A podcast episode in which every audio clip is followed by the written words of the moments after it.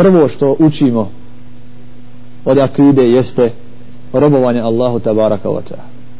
Postavlja se pitanje kako da čovjek bude ispravan rob Allahu tabaraka wa ta'ala. Šta znači biti pokorni rob Allahu tabaraka wa ta'ala? Allah je taj koji nas je stvorio kao svoje robove i kao takve nas obskrbljuje.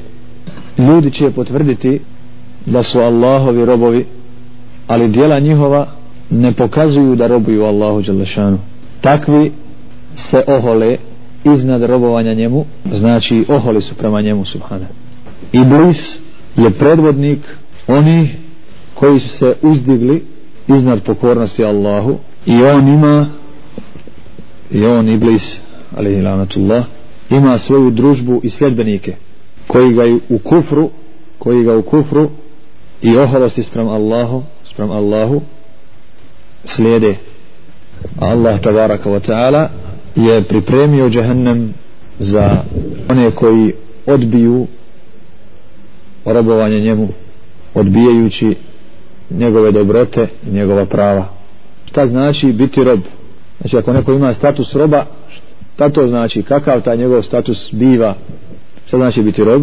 Prvo biti poslušan i pokoran svome gospodaru bez rasprave.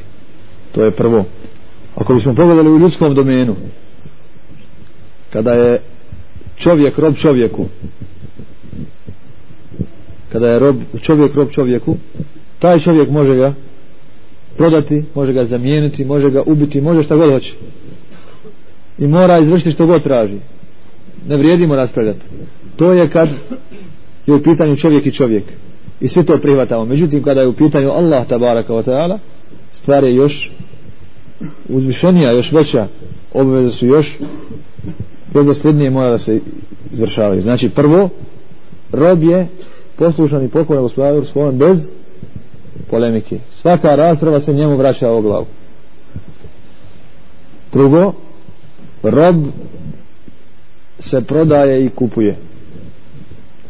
Rob se prodaje i kupuje i Allah tabaraka wa ta'ala kupuje od svojih robova i metke i živote jel? I šta im daje u zamjenu? Daje im džennet. Daje im džennet. Zapišite sura Al-Anbiya 23. ajet. Ovo je vezano za prvu tačku. Kad smo kazali da je rob poslušan i pokoran svom gospodaru bez polemike. 23. sura Anbiya 23. 23. ajet sura Anbiya kazali da Allah Žešanu od nas kupuje e, živote i metke sura Tauba 111. kad kažemo da ljudska djela pokazuju da ne robuju Allahu tabaraka wa ta'ala iako ako ih upitaš priznaješ li svoga gospodara i da ja sam mu rob reće jesam međutim djela će pokazati suprotno pa kad mu kažeš Allah tabaraka wa ta'ala od tebe traži tom i tom narodom, to i to. Reće ne vjerujem. Reće pa jest ali neće da izvrši. Ako kaže ne vjerujem nisam ubijeđen šta to znači? Nisi ubijeđen u Allaha nisi ubijeđen da njegova knjiga je od njega nisi ubijeđen da ono što on naredi je za nas obaveza u što nisi ubijeđen od ovoga? U sve od toga. I poslije toga ostaješ rob. Ti si u tom slučaju onaj koji odbija naredbu svoga gospodara. Odbija naredbu svoga gospodara neću reći gospodara među ljudima nego gospodara svih stvorenja.